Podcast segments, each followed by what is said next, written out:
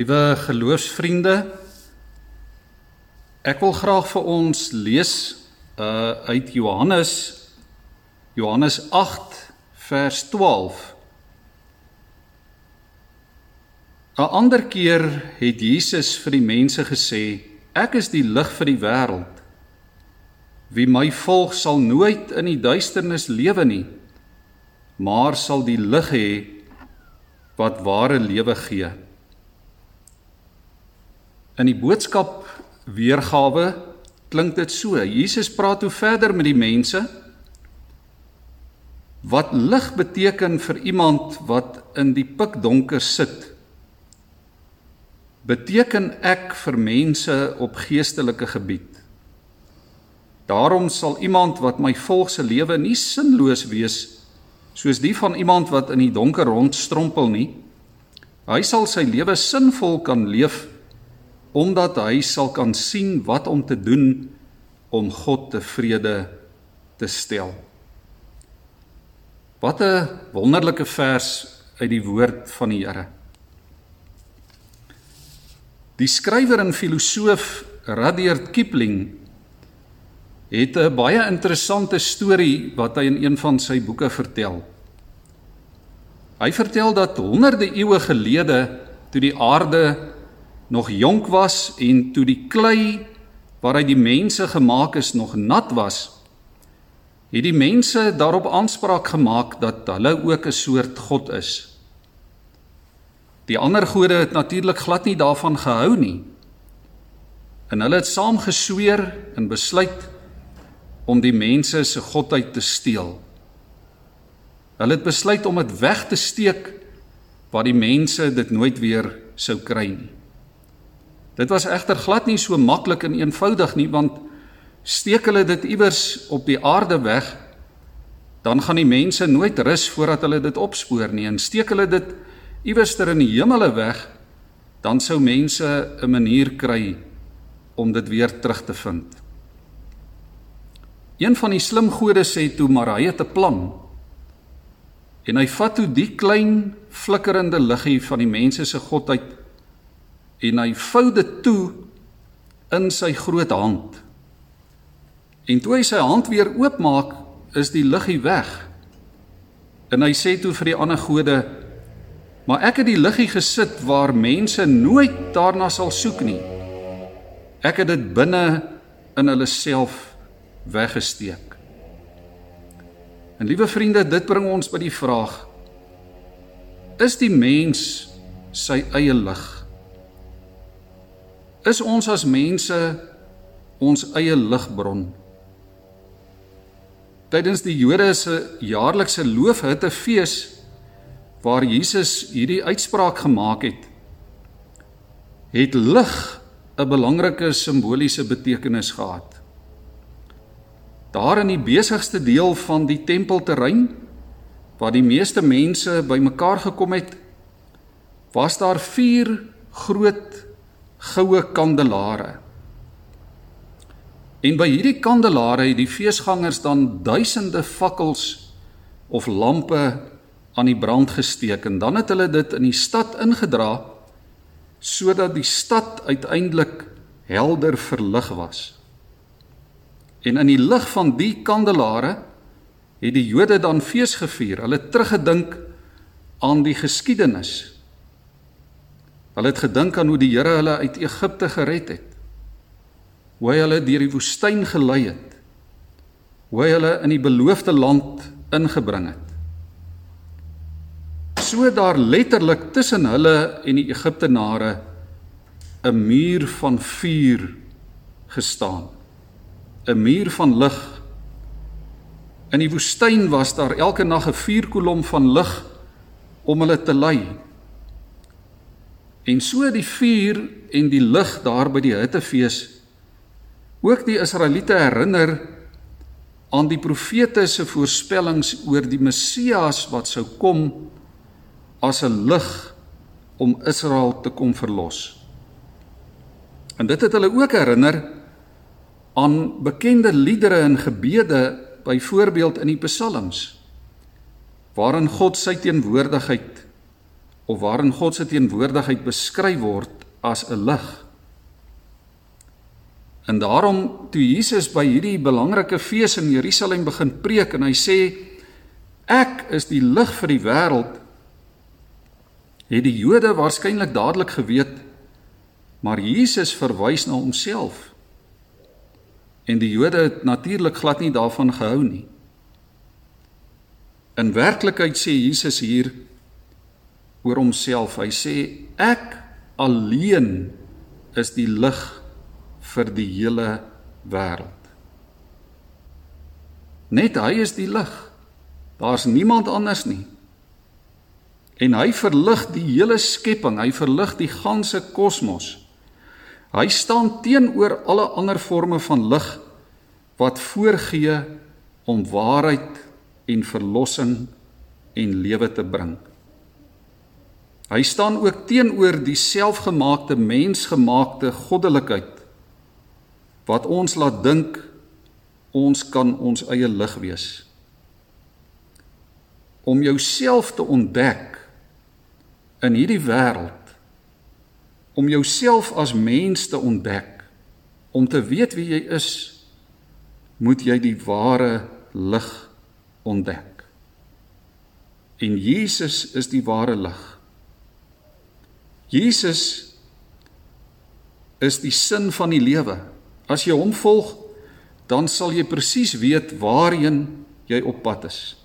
As jy aan hom vashou, sal hy jou help om sin te maak uit die chaos van hierdie wêreld. Nou liewe vriende, niemand van ons hou regtig baie van die donker nie. Want die donker bring onsekerheid. In die donker kan 'n mens seer kry. Die donker is beperkend. Daar lê allerlei bedreigings vir jou in loer in die donker. En nie enige lig is noodwendige antwoord teen die donker nie. 'n Flitslig in my hand.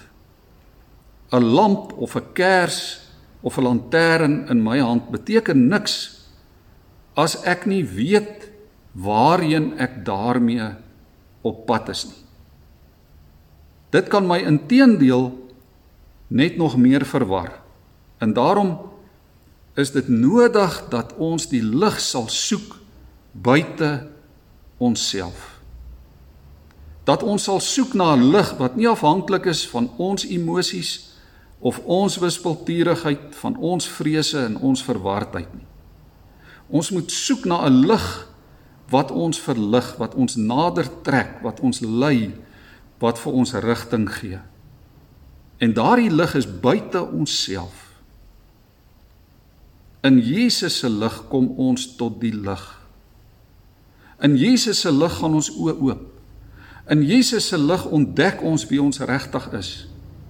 In sy lig sien ons ons eie sonde, ons sien ons swakheid, ons sien ons onvermoë. Ons sien ons menslike broosheid, ons sien ons eie harte, ons sien ons motiewe.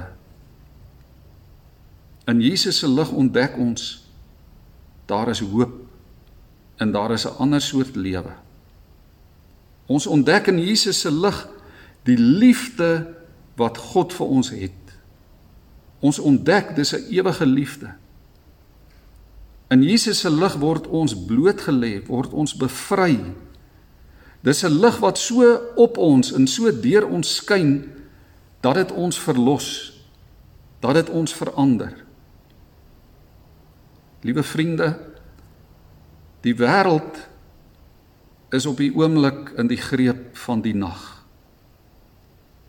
Selfs ons heel beste liggies is pure donker. Ons is van nature skief vir God se lig. Ons het die duisternis meer lief as die lig. Die sonde maak ons soos nagdiertjies wat met glimmende oogies haastig wegskarrel van die geringste teken van lig. Ons hou dit eenvoudig net nie uit met die lig nie. Maar hoor dit. Die lig hou uit met ons. Die goddelike hemelse lig hou uit met ons. Johannes 1 vers 5 sê dit.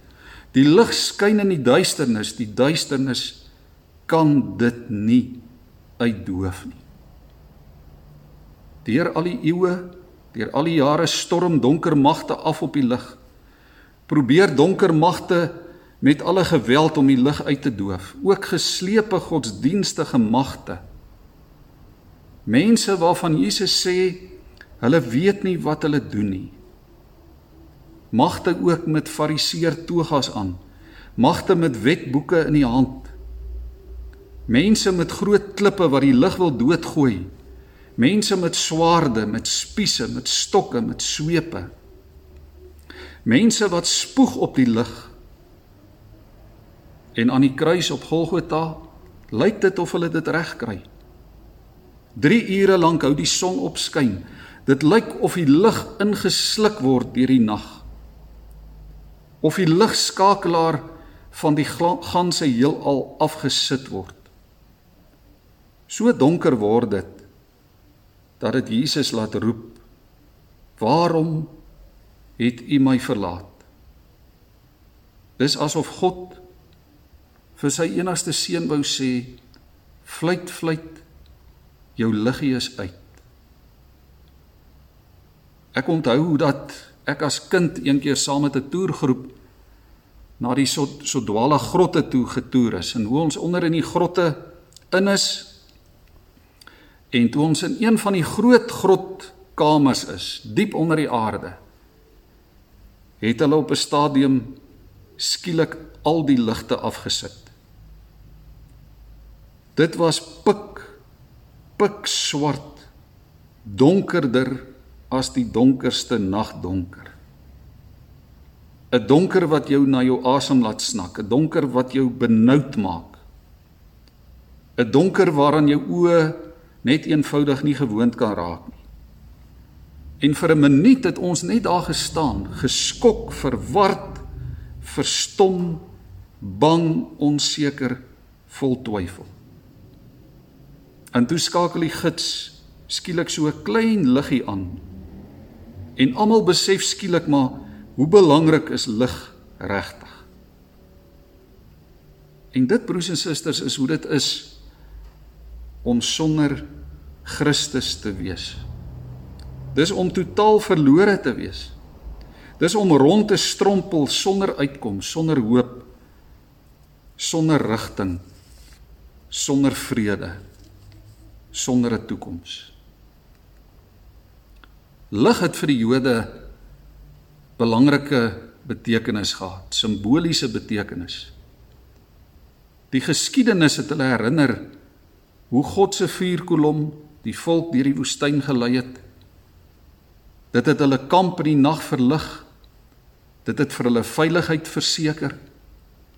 Maar dit het hulle ook gelei na waar hulle uiteindelik moes wees. Dit het God se plan vir hulle aangedui.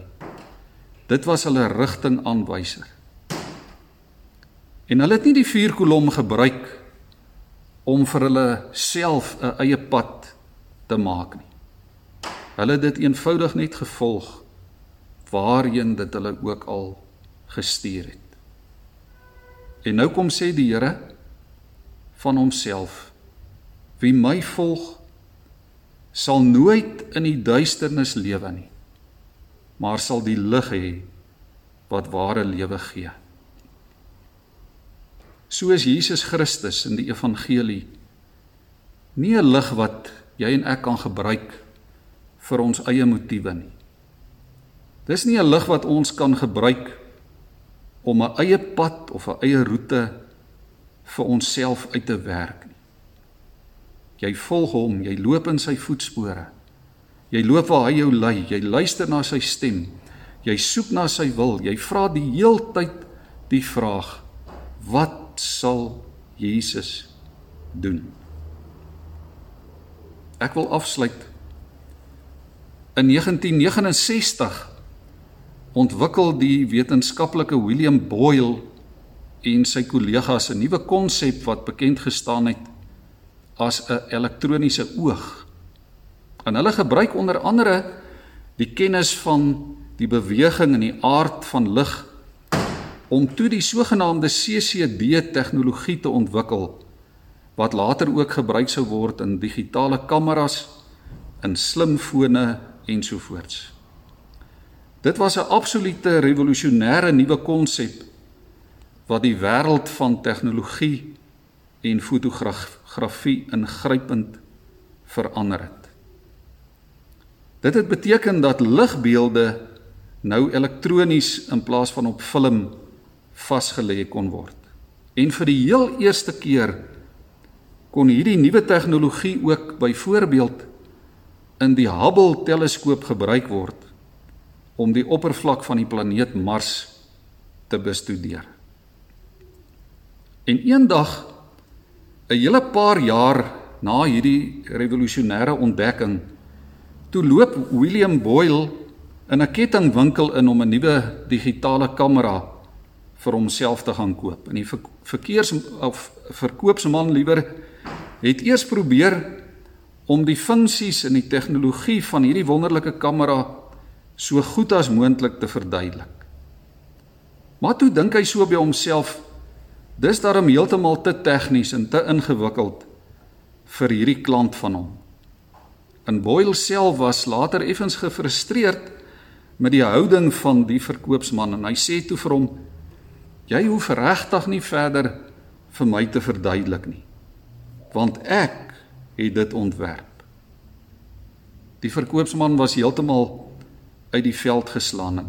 Hy kon dit eers glo toe hy later by die huis kom en op die internet sien dat Boyle wel die ontwerper van hierdie wonderlike tegnologie was.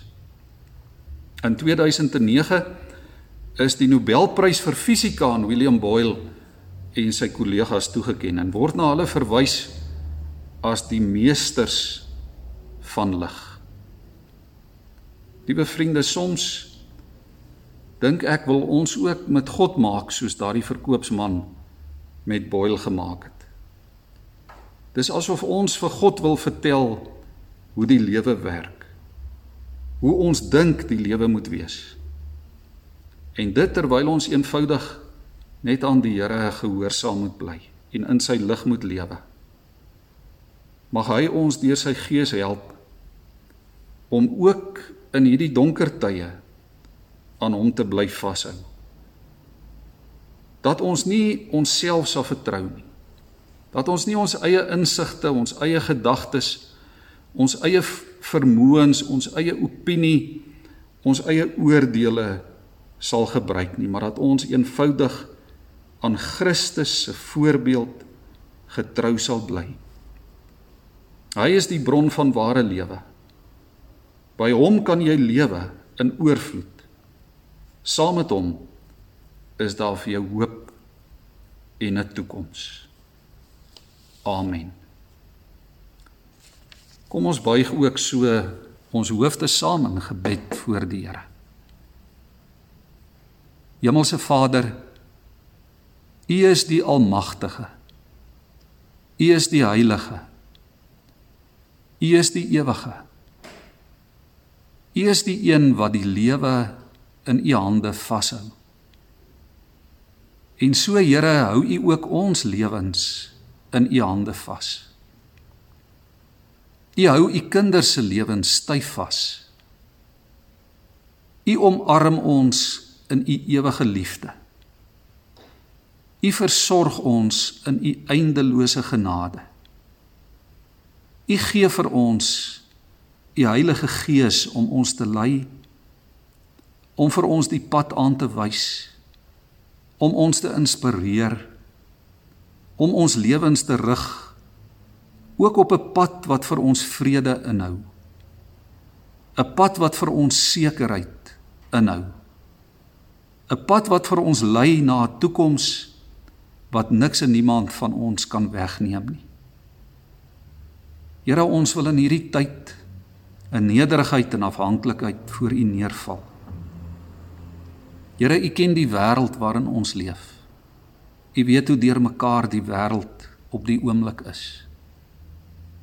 U weet, Here, hoe duisende ja miljoene mense se lewens, letterlik elke mens op hierdie aarde se lewe geraak word deur dit wat besig is om in die wêreld rondom ons af te speel. En daarom bid ons, pleit ons o Vader vir u beskerming. Ons pleit vir u bewaring. Ons pleit Here dat u u hand ook oor ons as gemeentes sal hou. Dat u u hand van bewaring oor Harry Smit sal hou, oor elke huis, elke individu, oor ons breër gemeenskap. Ons bid vir ons land, Here, ons bid vir wysheid. Ons bid vir ons regering. Ons bid vir ons nooddienspersoneel.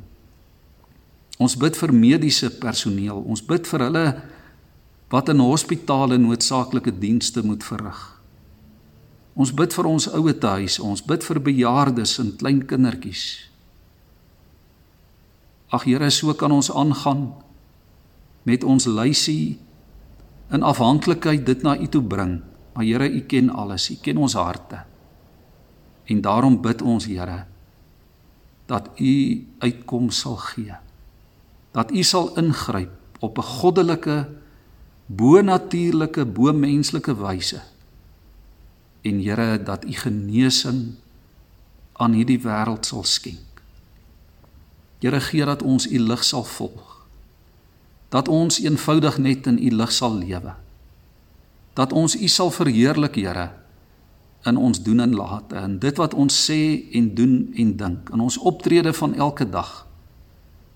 Gee dat ons deur u vasgegryp word en net soos klein kindertjies ook aan u sal vashou. Dit bid ons in die naam van ons verlosser. Hy wat gekom het en sy lewe gegee het sodat ons kan lewe. In die naam van Jesus. Amen.